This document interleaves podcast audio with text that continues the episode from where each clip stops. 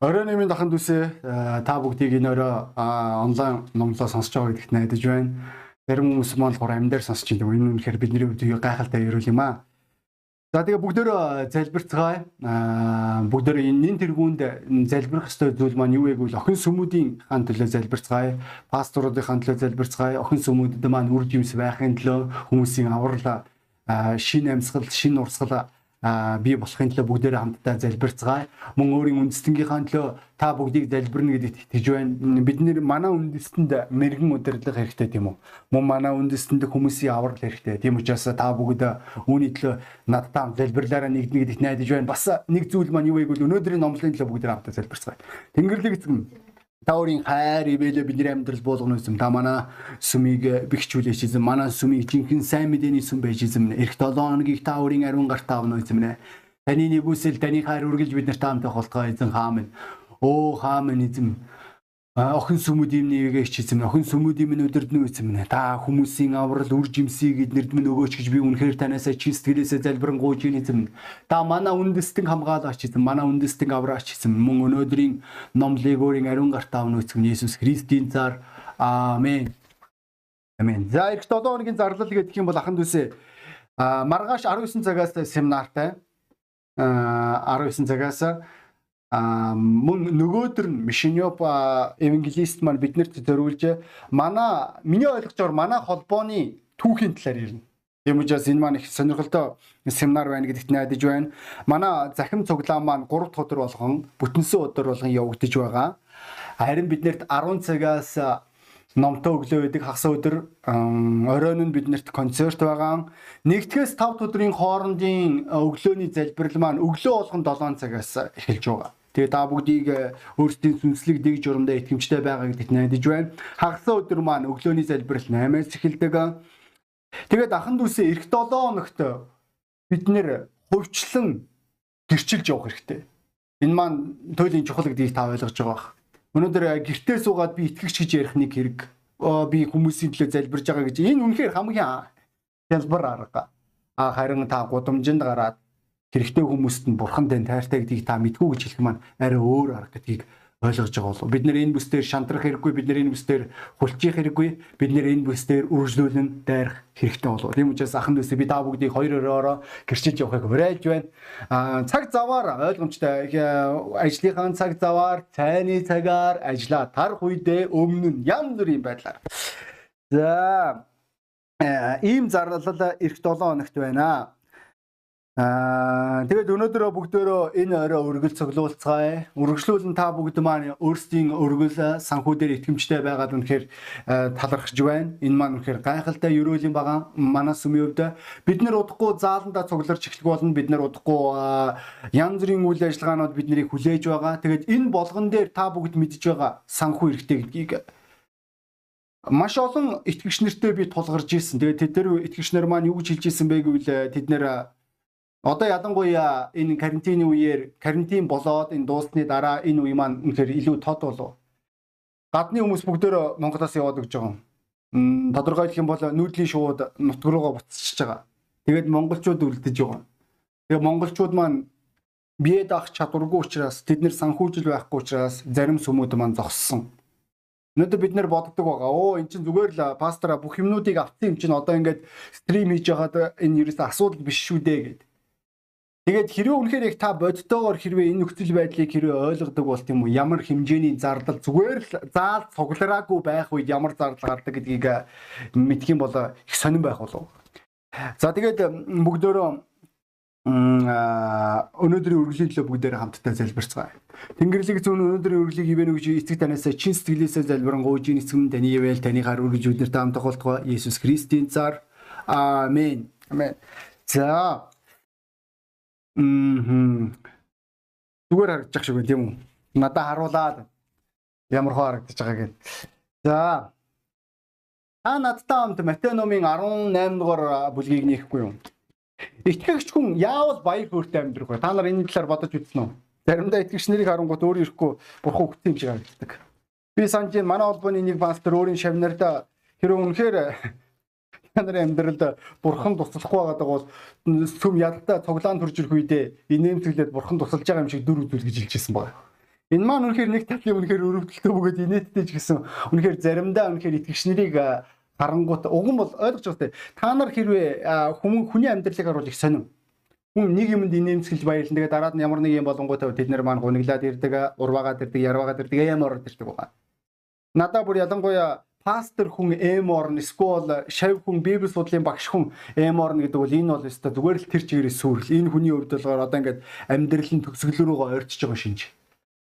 Тэгвэл амьдралд яг яавал баяр хөөртэй байж сурах вэ? яг яавал өнөөдөр итгэгч хүний хувьд чи ад жаргалтай үргэлж амьдралаас чи үн цэнийг олж сурах бай. Үүний тулд хамгийн гол чухал зүйл бол уучлах чадвартай байх. Үн яг юунд оршиж байгаа вэ гэвэл хүмүүс биднийг гомдоох болно. Мөн заримдаа бид нэр заримдаа гэж хэлээ л да. Бид нэр хүмүүсийг гомдоодаг. Ягаад заримдаа гэж хэлж байгаа гэвэл хүмүүс гомдох үедээ үргэлж надаа хүмүүс гомдол учруулсан талаар ярьдаг болохоос тэрнээс бол би хүмүүст гомдол учруулсан талаар ярьдгүй. Над дээр маш олон удаа итгэгчнэр маань ойртож үрж ирээд пастор ийм асуудал байна, тийм асуудал байна. Нэг ийм юм гараад ирлээ, тийм юм гараад ирлээ гэж ярьж байгаа. Тэгэд чи тэр яриа болгоноос нэг юм ойлгож үгүй байж та залуу. Чи ягаад өөрийгөө юу хийсэн талаар ярихгүй байгаа. Ягаад тэр хүнийг юу юм хийсэн талаар яриад байгаа. Мөн эсвэл чи тэр асуудлуудын талаар ярьж байгаа тэнгуут ерөөсөө чи асуудлыг өөрөөр тойруулаад байгаа. Ерөөсөө чи асуудлыг тэр төвд байхгүй байгаа итэ. Тэгээд ойлгомжтой энэ байр суурь маань намайг надад гэдэг энэ байр суурь маань өнөөдөр итгэгчнэрийг аж аргалгүй болгодог. Тэгвэл бүгдээрээ хэрвээ аж аргалтай амьдрахыг хүсэж байгаа бол хэрвээ зүрх цэвэр амьдрахыг хүсэж байгаа бол яа харахгүй бид нөр уучлалт сурах хэрэгтэй. Тэгээ би танд хэлсэн тийм үү? Уучлалт сурах Энэ бол үнэхээр агуу чадвар шүү. Ялангуяа хамгийн ойр дотны хүмүүс биднэрт өвдөлт учруулдаг. Энд ч байгаа эхнэр нөхрүүд мэдж байгаа. Эхнэрүүд яаж өвдөлт учруулдгийг нөхрүүд мэдж байгаа. Бараг амин гэх баг. Э энэ эхнэрүүдтэй нөхрүүд яаж өвдөлт учруулдгийг мэдж байгаа. Бүр чанга амин гэх баг. Бүр хэд дахин илүү. Яг яг тэгвэл энэ байдаг. Энэ бидний амьдралын нэг хэсэг. Би итгэлтэй байна. Өөрийн итгэлийн амьдралдаа гомдож үзээгүй итгэгчийг өстө би мэдчихгүй юм байна. Хэрвээ та хиндэж гомдож байгаагүй бол та итгэлийн амьдралаар амьдраагүй гэсэн. Бүр амьдраагүй гэж ойлгож болно хиндэж. Мөр миний хөвгүүд хүртэл заримдаа аавдаа гомддог. Чи үүнийг нүүрнээс нь харж болно. Яриа нь багсаад хүүхэд чи хөөрхөн шүү дээ. Яриа нь багсаад хөдөлгөөн нь удаашраал жоохон буруу тийшээ харах нь ихсээл та нэгтээ болон руу очих нь ихсээл тэгэл хүрээ тэр нэг үнсий тэврийг өнгөт нь яах яах хэрэггүй гээл тэр хүүхэд чи ерөө соёлтой бол Тэр соёлгүй бол үгүй гээл. Тэг яг энэ инээдтэй юм шиг одоо энэ хүмүүс инээгээд байна. Тэгвэл өнөөдөр заримдаа сүмд яг энэ энэ зураглал харагдчихийдэг. Хүмүүс гомдож байгаа. Тэгээд энэ болгон дээр уучлалт сурах маш чухал. Бид нэр яаж исэн ч би биний гомдоо найснараа ойлго. Бүр ялангуяа ахан дүүсийн дунд энэ гомдол байх болно. Бүгдээр хэрэг Матай номын 18 дугаар бүлгийн 21-с 22 дугаар ишлэгийг хэрэг харах юм бол Дараа нь Петр ирж түнд эзэн ах トゥ маань миний эсрэг нүгэл үйлдэхэд би хэдэн удаа уучлах вэ? 7 удаа яв гэхэд Есүс айлцсан. Би чам 7 удаа бус харин 70 дахин 7 удаа гэж хэлье гэж хэлж байгаа. 7 удаа. Энэ маань Израильчуудын хувьд дүүрэн тоо. Тэгвэл Есүс Христ хэлэхдээ 70 дахин 7 удаа буюу 490 удаа өөрийн аханд үсээ уучлал гэж хэлж байгаа. Заримдаа бид нэр хүнийг ойлгодгүй. Бид нэр үнэхээр яа харахгүй бие биендээ өвдөлт учруулж болно. Тэгээ бид нэр бурханд гомдож чадна. Бурхан бидний залбиралд хариулсангүй, бурхан биднэрт тусалсангүй, бурхан намайг тоосонгүй, бурхан намайг ивээсэнгүй. Эсвэл бид нэр өөрсдийн итгэгч ахын дүүстэй гомдож болно. Оо энэ тим юм ярьчлаа, ийм юм ярьчлаа, тим үйлдэл хийчлээ, эсвэл хийсэнгүй. Ойлгож байна уу? Хүн их сонирм бод. Өнөөдөр юм ярьлаа гэж гомдно бас мөн ярихгүй байлаа гэж гомдно. Тэ? Энэ ир юм ялгаагүй шүү. Энд чи магадгүй та энэ номлыг сонсож явах үед оо энэ зөвхөн эмгтээчүүдийн ном даа. Би ерөөс одоо ингээд YouTube унтраалаа гэж хэлж байгаа бол үгүй. Надаа маш олон удаа ирчүүд ингэж гомдож байна. Пастор та яагаад хэлээгүй би гомдлоо. Пастор та яагаад хэлчихв би гомдлоо. Чи тэгээ бодож эхэлж байгаа нэ. Нэг халиуны зулдах шиг тийм үү юу ихе мэдэхгүй байгаа. Гэхдээ үнний үндэ оршиж байгааг бол бид нэр хүмүүсийг гомдоохгүйгээр хизээж амьдрч чадахгүй. Каин зүгээр бүгдээрээ Библиэлд санацгаа. Каин тэрээр бурханд гомдсон ба. Яг яагаад яг бол түүний өргөлийг хүлээж аваагүй учраас энэ хандлага маань өнөөдөр олон итгэгч нарын амьдралаас харагдаж байдаг. Бид нар хийж байгаа бурхан намайг тоосонгүй бурхан намайг тэрнийг тоолоо. Бурхан намайг түүнийг илүү их ивэлээ. Энэ атаархал энэ гомдол маань хамтдаа явж байгаа. Тэгээ урвааж байгаа, ярвааж байгаа эзэн юу гэлээ хэрвээ чи зүвийг үлдэж байсан бол тэргүүнээ өргөх усоо харин чи олиггүй зүйлийг хийж байгаа учраас чи урвааж байгаа, ярвааж байгаа. Та нэг гомдож байгаа хүнд чи яага өгснэйг урваагаад байгаа ингээд нэг хилээд үзээрэй. Өстой чи алуулна шүү. Энэ бол хамгийн тохиромжгүй үг тэр үед. Чи юугээ игээд урваагаад байгаа. Чи тэргүүнээ өргөөч гэж нэг соёлтой хэлэх гээд үз. Магадгүй тэр хүн хэрвээ чамаас хүчтэй бол чамайг төхөд авч магадгүй шүү. Өнөөдөр ууралж байгаа хүнд нөгөө галзуурсан үнийг галзуурсан гэж хэлж болдгоо гэлээдэг шиг тий. Эдэ нэмэгтэйчүүд үү тий. Тэр нэг киноны хэсэг дээр байдаг шиг. Тэгвэл яг үнтэй ишлэн гомцсон үнийг гомцсон гэж хэлж нэг тийм сайхан сонголтууд нэг. Заримдаа энийг ийм арга эгэлж үтчихсэн та нар. О чи уурсан. Үгүй уурлаагүй. Чи уурсан гэж. Үгүй уурлаагүй уурлаагүй. Чи уурсан уу? Уурлаагүй. Чи яг л уурсан байна да. Үгүй уурлаагүй. Чи яг уурлаад. Үгүй. Чи ойлгож байгаа. Гүр ийм ч арга байна хүмүүст. Бүгдөө Библиэр Яаков Исав биднийг санацгаая. Бүгдөө хамтдаа Эхлэл номын 27 дугаар бүлэг нэг Эхлэл ном 20 дугаар 27 дугаар бүлэг. Эхлэл ном 27 дугаар бүлэг.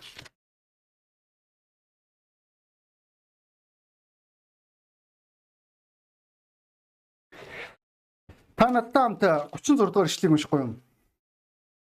Исав түүнийг Яаков гэж нэрлэдэг нь онцон бусуу. Тэр намайг Яаков гэдэг нэрний үнхээр утгыг харах юм бол залилагч гэсэн утгатай үг.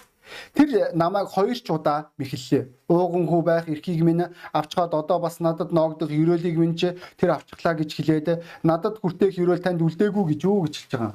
Хэрвээ та энэ түүхийг сайн мэддэг бол тийм үү? Яаков гэдэг маань Исавын дүү. Тэр өөрийн ахаасаа ууган байх эрхийн лөөврийн аргаар одоо имзэг байдал дээр нь тоглож авсан өнөөдрийн хэрвээ хэлгээр хэлэх юм бол тэрээр ууган байх эрхийг авчиж байгаа дараад нь ууган хүүдээр оногдох ерөөлийн заллингийн аргаар тэрээр өөр дээр бас мөн хүлээж авсан байгаа. Тэрээр ахтаа хийж болох хамгийн хогийн олиггүй үйлдэлүүдийг хийсэн гэж хэлж болно. За тэгээ бүгдээрээ бодож үзье. Чиний төрсөн дүү чинь чамдаа хамгийн онцгүйгээр хандж байгаа. Мөн бас Библиэлд Йосеф байна. Йосефийн ах нар түүнийг Египтэд хүмүүст харийн хүмүүст худалдсан байгаа нэг хэдэн бор цаасаар. Тэгээ аавд нь болохоор өгцөн гэлсэн. Мартагдчих гэж хэлж болно. За бүгдөө Тамарыг санацгаая. Түүнийг төрсөн ах нь хүчин чижиж байгаа. Бас мөн бүгдөө Библиэлд Давидыг санацгаая. Тэрээр нэг эмэгтэйг хараад тэр эмэгтэй хүчнээд нөхрийг алаад бүх юмыг авчих гэж оролцсон байгаа. Заримдаа үнэхээр амьдрал нэг тийм инээгээд байхаар байдгүй заримдаа хүмүүс бүр бурхны хүмүүс хүртэл заримдаа ойлгогүй үйлдэлийг тохиолдолгүй. Чи тэгээ ойлгож эхэлж байгаа. Юу юунд гэдгийг. Тэгээд энэ болгон дээр чи гомдлоор дүүрэх аюулгүй. Чи тэр хүний үйлдэл гомдож болно. Чи тэр хүний үгэнд гомдож болно. Заримдаа бидний хоорондын харилцаа ийм тааламжтай байдгүй. Биднэрт итгэлийн амьдралын хугацаанд жил өнгөрөх тусам хэрвээ бид нар болгоомжтой байхгүй бол биднэрт харилцах дуртай хүн харилцах дургүй хүн гэдэг хүмүүс гарч ирэх аюул. Харж байна бидний ишил дээр э, Петр асууж байгаа. Өөрийн ахан дүүсээ би хэдэн удаа уучлах вэ? 7 удаа юм. Бүрээ Библиэлд Есүст фарисеучуд хүртэл гомдож ирснийг бид нэр Библиэс харж байна. Энэ маань Лук номын 17 дугаар бүлэг дээр байгаа. Лук номын 10 11-р бүлэг дээр байгаа. 45 дугаар эшлэл дээр. Энд чи Библи хэлэхдээ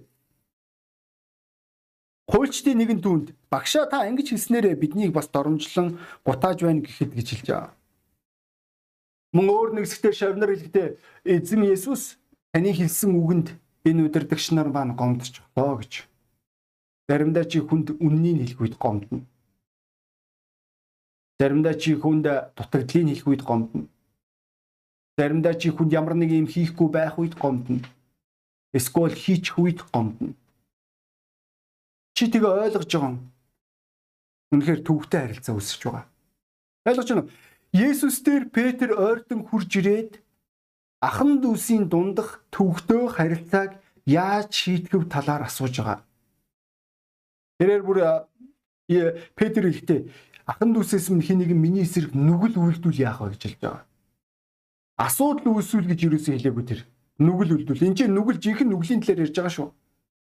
Миний эсрэг олиггүй муу зүйлийг хийвэл яг би яг яаж хандах вэ? За бүгдээрээ Петрийн оронд өөрсдөө тавьцгаая. Таны амьдралд ийм тохиолдол байсан уу? Итгэгч найз чинь таны эсрэг нүгэл хийдэг. Үгүй. Ойлгож байна уу? Энд чи Петр тэрээр уучлах талаар ярьж байгаа. Тэгвэл та хэрвээ ахан дүүсээ чихэн нэгэн зүгээр л ямар нэг юм хилчлээ хэлээгүй эсвэл хийчлээ хийгээгүүд та ямар хөө байдлаар ханддаг вэ? Танд уучлах хүсэл байдаг. Хэрвээ бид нар уучлахгүй бол нэг аюултай зүйл бидний амьдралд бий болдог хүн. Энэ маань гашуун үндэс. Еврейгийн загтал дээр хэлэхдээ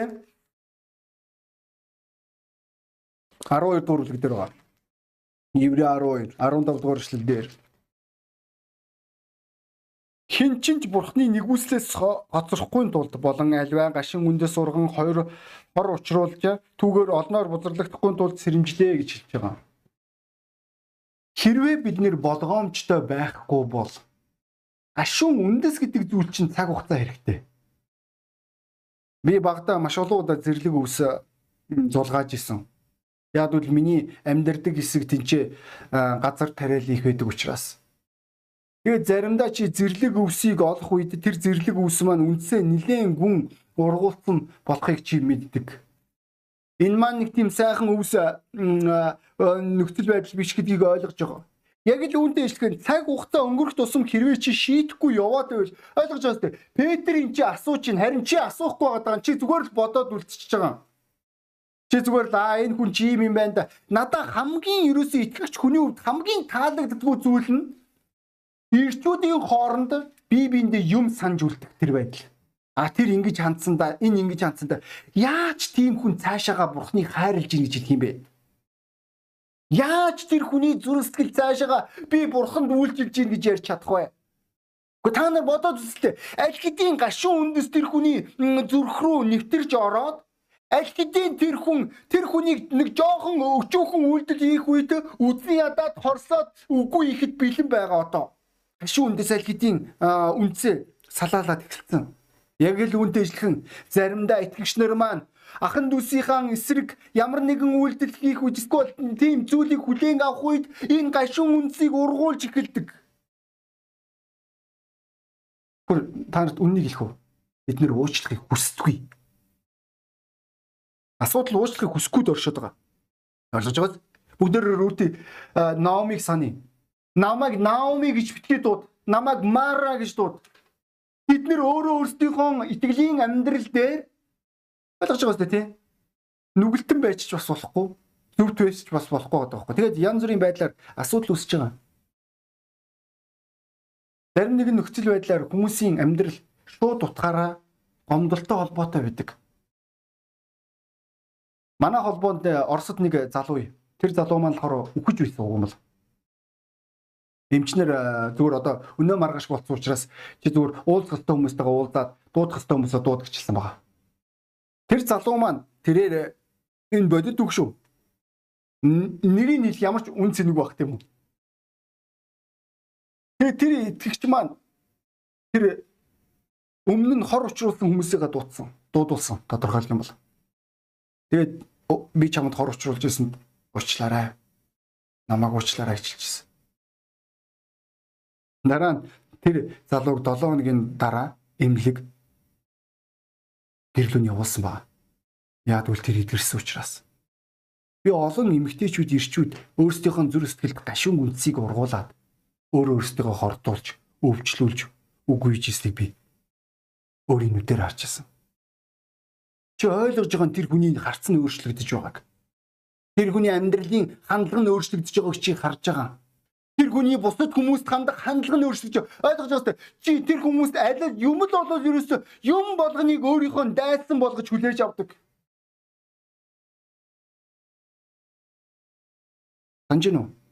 Йов ихнэр Йовд юу гэж хэлж ирснийг өөрийн бурхнаа хараагаад өг. тэрээр тэр нөхцөл байдалтай санал нэгтгэх хүсээг байгаа. Ийм байдлаар өнөөдөр олон итгэгчнэр өөрсдийн бурхантай харилцаа харилцаагаас устгадаг. Чи тэр итгэгчнэр дээр ойртож шат асууж болно. Итгэгч найз минь чи залбирж байгаа үгүй пастора би залбирахгүй байгаа. Үгүй пастора би библи уншихгүй байгаа. Үгүй пастора би надад сайн мэдээ түгэх хүсэл алга. Би сайн мэдээд явмааргүй. Ойлгож байгаа тэр хүний зүрхэнд дэлхийдийн гашуун үндэс ургацсан. Ойлгож бас нийгэмд өнөөдөр хамаатан садангууд гар буруу санаж байгаа тэрийг хизээж хэлдэггүй. Миний ойлгож байгаа итгэгч ахын дүүс ялангуяа нөхөрлөл гэж ярьж байгаа бол энэ байр суурь байх ёсгүй болов. Гэтэ тэднэрт байдаг. Бид нэр уучлахыг хүсдэг. Тэдний үгээрээ тэд нэр бурхантай харилцаа харилцаагаа устгах чам. Тэд нэр үгээрээ сүнслэг амьдралаа үгүйж байгаа. Тэд нэр үгээрээ итгэлийн амьдралдаа үр дүнгүй болж байгаа. Тэдний үйлчлэл нь унтарж байгаа. Тэдний итгэл нь унтарж байгаа. Бид нэр бурхны төлөө ямар нэг юм хийх чадваргүй болж хувирдаг. Бид нэр айл бол хүмүүсээс зайгаа авч эхэлдэг. Бидний итгэлийн амьдралд нөхөрлөл гэж байдгүй. Тэгээ эцсийн эцэст он жилүүд алдагдчихж байгаа. Ойлгож байна уу? Юу ярьж байгааг. Бүгдөө Яаков, Исавын ах дүүсийн хоорондын харилцааг хэрэг харах юм бол бид нэр энэ үйлдэлээсээ болж өөрсдийн амьдралдаа 25 жилийг аль. 25 жил би биенийгаа уучлахгүй би биендээ гомдож эсвэл би биенийгаа гомдоож амьдрсан гэж боддоо та нар. Өнөөдөр тэгвэл та өнөөдөр итгэгч ахан дүүсээсээ хинд гомддог вэ? Хинтээ та аль хэдийн харилцаа болсон бэ? Аа одоо энэ хугацаанд өөрийн харилцаагаа алдсаар байгаа. Мөн та өөрийн зүрхээ алдж байгаа. Таны зүрх гашуун үнсээр дүүрч байгаа. Таны зүрх олиггүй бодлуудаар дүүрж байгаа. Хэрвээ таны зүрх хэрвээ олиггүй бодлуудаар аль хэдийн дүүрээд тэр хүний үйлдэл болгоныг хэрвээ санаад байгаа бол итгэгч найз минь таны амьдралд аль хэдийн сүрэл ирж. Надад энэ 16 жилийн итгэлийн амьдралын хугацаанд нэг зарчим байна. Би хүмүүсийн надад учруулсан муу зүйлийг мартахыг хүсдэг. Тодорхойлъё би мартах шийдвэр гаргадаг. Заримдаа тэр хүмүүс маань хэлж байгаа пастор санаж гэнэ үү энэ зүйлийг ийм байсан чи тэг бодож байгаа юу яасан нэг рестораны захирал өөрийн ажилтнаа хандаад хэлсэн байгаа. Хөөе өчтөр танаа ихнэр чинь чамайг хяргах шахуу алгах шахуу чи ч оройтож очив юу болов гэсэн. Тэр үед өө манай ихнэр түүхцээ гэж Үгүй түүхцэн гэхээсээ илүүтэйгээр танаа ихнэр чинь өглөөд авах юмгүй болсон гэдэг үгүй ээ тийм ш. Манай ихнэр бүх түүхийн хуудсуудыг бүгдийг нэг үрчлэн дахин нээсэн гэж хэлсэн байна. Яг л үүнтэй ижилхэн итгэгчнэр маань заримдаа бүр ялангуяа ихнэрүүд бид нэр бүх бүтэр дурсамжуудыг нэг үрчлээ. Чи санаж гэнэ 1998 онд яг намайг төрхийн өмнөхөн ойлгож байгаас энэ утгагүй гэдгийг. Өнгөрсөн бол өнгөрсөн. Тэгэд энэ дараа нэг юм үг ашигладаг те. Чи дандаа тэгдэг үстэй. Чи угаасаа ийм. Чи угаасаа тийм. Чи дандаа л ийм зүйлсүүдээр ханддаг. Ойлгож байна уу? Яагаад хүмүүс энийг зүйлсүүдийг хэлдэг бэ? Эднэр уучлахыг хүсдэг хүмүүс. Уучлах шийдвэр гаргадаг хүмүүс байгаа. Нэг эмгэн дээр нэг итгэгч ойртож үрж ирээд эмээ таны хуучны нүглийг диавол сануулах үед та яг яаж хамддаг вэ гэж хэлсэн. Ха ер нь сануулж гинүү тийм ээ сануулж байгаа. Тэр үед та яг яадгийн нөө эмээ нүү. Тэгээд тэрээр дуул 103-ыг нээж байгаа. За би тэр имээ шиг нэгтгэнээс. Тэгж байгаа ярьсан дээр баг тийм үү.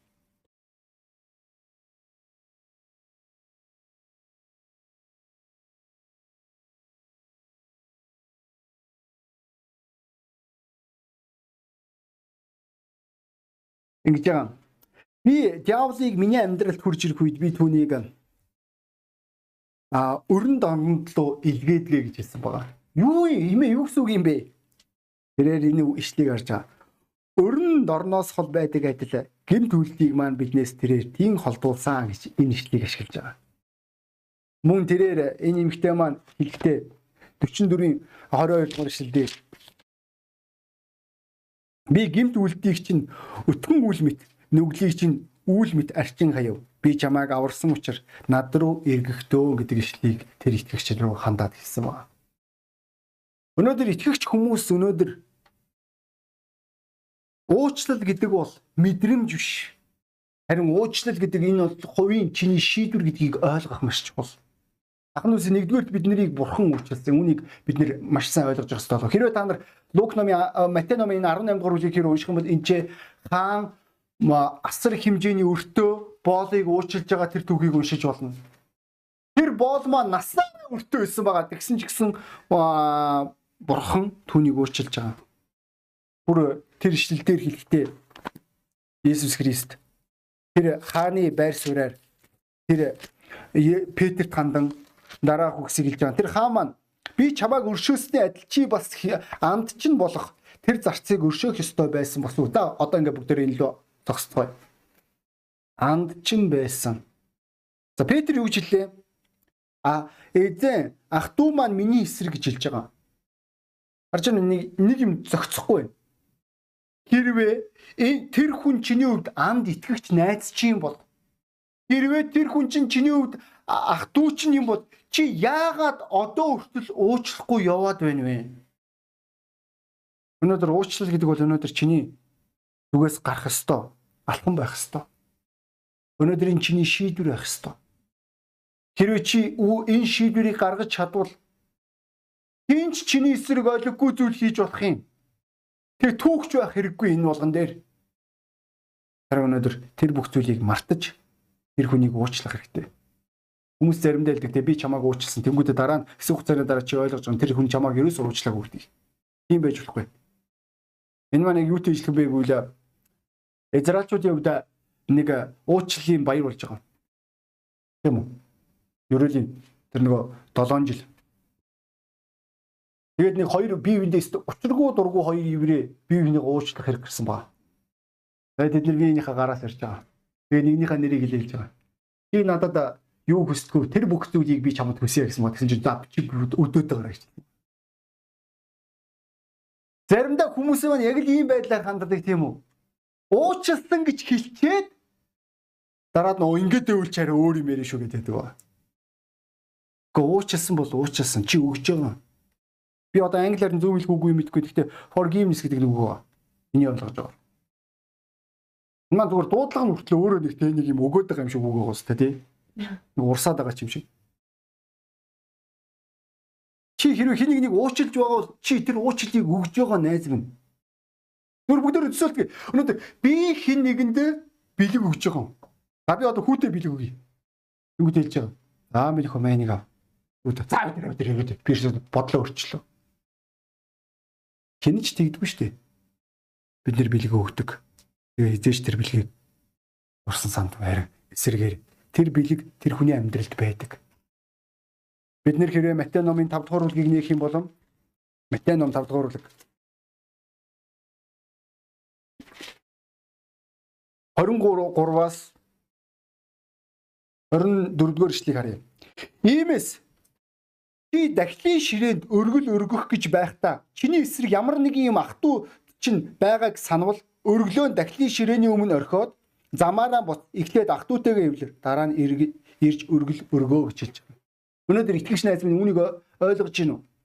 Чиний зүгээс гарах ёстой шийдвэр бол чи өнөөдөр цуглаанд хурж ирэх үед чи өнөөдөр номлол сонсохоос өмнө чи өнөөдөр залбирхаас өмнө нин дэргүүнд чиний хийх ёстой зүйл өөрийн ах トゥ устэйгээ эвлэрэх.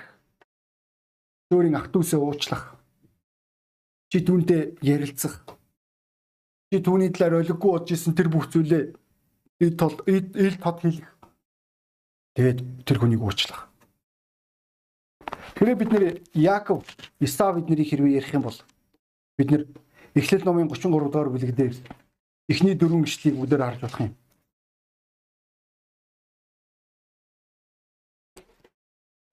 Яаковыг нүдэ өргөн хартал Исав 400 хүнийг дагуулan ирж яваа харагдлаа. Иймээс тэрээр хүүхдүүдээ Лиа, Рахил болон хоёр шивгчэндээ хувааж өгөөд шивгчэнгүүд болон түүний хүүхдүүдийг өмнө Лиа хүүхдүүдтэй хамт дараа нь Рахил, Йосеф хоёрыг хойно нь оруулва.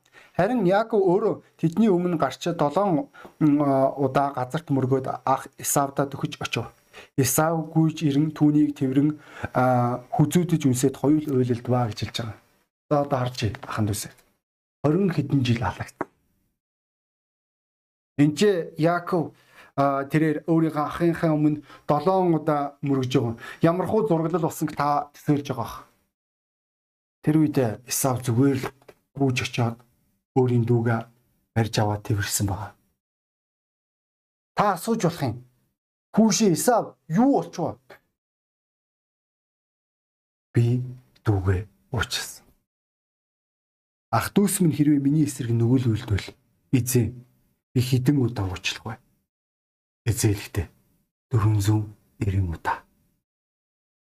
Тодорхой хэлэх юм бол уучлал гэдэг зүйл өнөөдөр итгэгч хүмүүс бидний амьдралд өстой хамгийн хамгийн зарж. За тэгээ хүн болгон толгоогуудаа гад мэдээ анасаа гэж хүсэж байна. Хүн болгон шийдвэр гарган залбираасаа гэж. Найз минь өнөөдөр ойлгох хэрэгтэй болов. Хэрвээ та энэ итгэлийн амьдралаар баяр хөөртэй ад жаргалтай амьдрахыг хүсэж байгаа бол а хүнийг уучлалцсан. Хүний талаар өлөггүй зүйлийг бодож удаан амьдрах хэрэггүй. Өөрийн зүрх сэтгэлдээ гашуун үнцийг ургуулах хэрэггүй найз минь. Чи үгээр өөрийн гэр бүлээс сүрүүл. Чи үгээр өөрийн үйлчлэлээс сүрүүлнэ. Чи үгээр өөрийн бурхантай харилцах харилцаагаа сүрүүлнэ. Чи үгээр бурхандах хувь тавилангаа үгүй. Тэгвэл ийм том золиос чамд хэрэггүй болов. Тэгэд би өнөөдөр магадгүй та энэ номлыг анхудаа сонсч байгаа юм уучлал гэдэг бол өнөөдөр итгэлийн амьдралын хамгийн чухал зарчим. Нэгэн цагт бурхан биднийг уучлсан. Бидний нүглийн төлөөсийн төлөө тэрээр өөрийн цорын ганц хүүгээ дагалмаадаар золиослсон байгаа. Биднийг уучлахын тулд. Өнөөдөр бурхан таныг ямар нүгэлтэн гэдгийг байна. Бурхан таныг юу хийсэн гэж мэднэ. Ааж гисэн сайн байгаа. Магадгүй яг одоо та өөрөө өөрийгөө уучлах чадахгүй байгаа Мангадгүй яг одоо таныг бусад хүмүүс уучлахгүй байж болох юм. Тэгвэл өнөөдөр эдгэрэл Бурханаас ирэх боломжтой минь. Бурхан таны нүглийг уучлахыг хүсэж байна.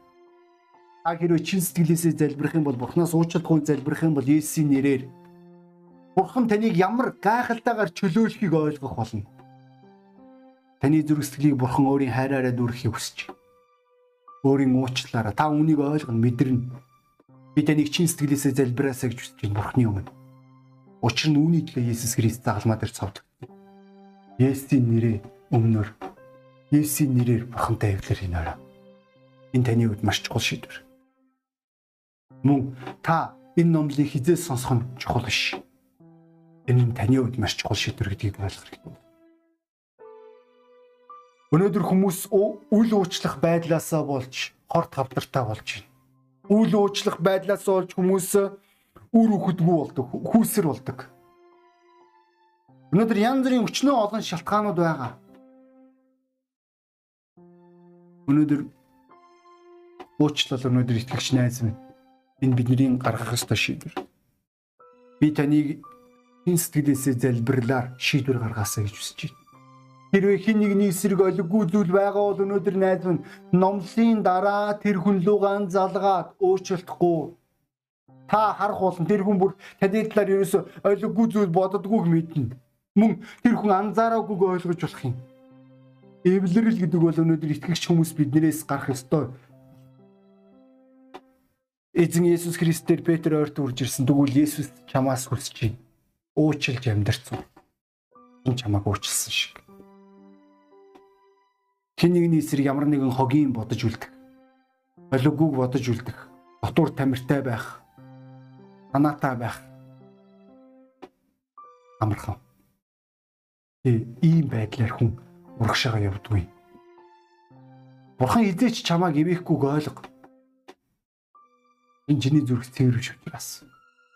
Гүр бич чамааг өнөөдөр Бурханы өмнө чин сэтгэлээсээ хандна гэдэгт найдаж байна итгэж найд энэ залбирлын мөч. Итгэгч хүн ад жаргалтай баяр хөөртэй амьдрах орын ганц төлхөөрөл уучлж сурах мартж сурах. Энэ бол таны шийдвэр байна. Тэгээ би танд хэлэхэд өнөөдөр энэ залбирлын дараа яавал таныг дахин сорих болно. Тохиромжтой тэр мөчийг ирж хань. Тэр өвдөлттэй тэр цэгүүдээр дахин дарахыг хүснэ. Тэгвэл та ойлго. Та Библийг барих хэрэгтэй. Библи хэлэхдээ өөрийн ахан дүүс чинь чиний эсрэг нүгэл үлдэх үед ич найз нар чинь тэр бүнийг 490 удаа олж хязгааргүй гэсэн. Тэгэд хүн болгон толгоогоо өргөөсэй гэж хүсэж байна. Бүгдээрээ номлын төгсгөл залбирцгаая. Тэнгэрлэг эзэг өнөөдрийн номлыг ивэсэн танд баярлалаа. Ирэх 7 хоногийг ивэ гэж ирэх 7 хоногийг дотор үр жимсээр дүүрэн амьдрахад нь биднэр туслаач. Бидний зүрхтгэлийг цэвэр хадгална. Есүс Христийн нэрээр аамен. Заахан үсээ удахгүй төмөр албагдъя.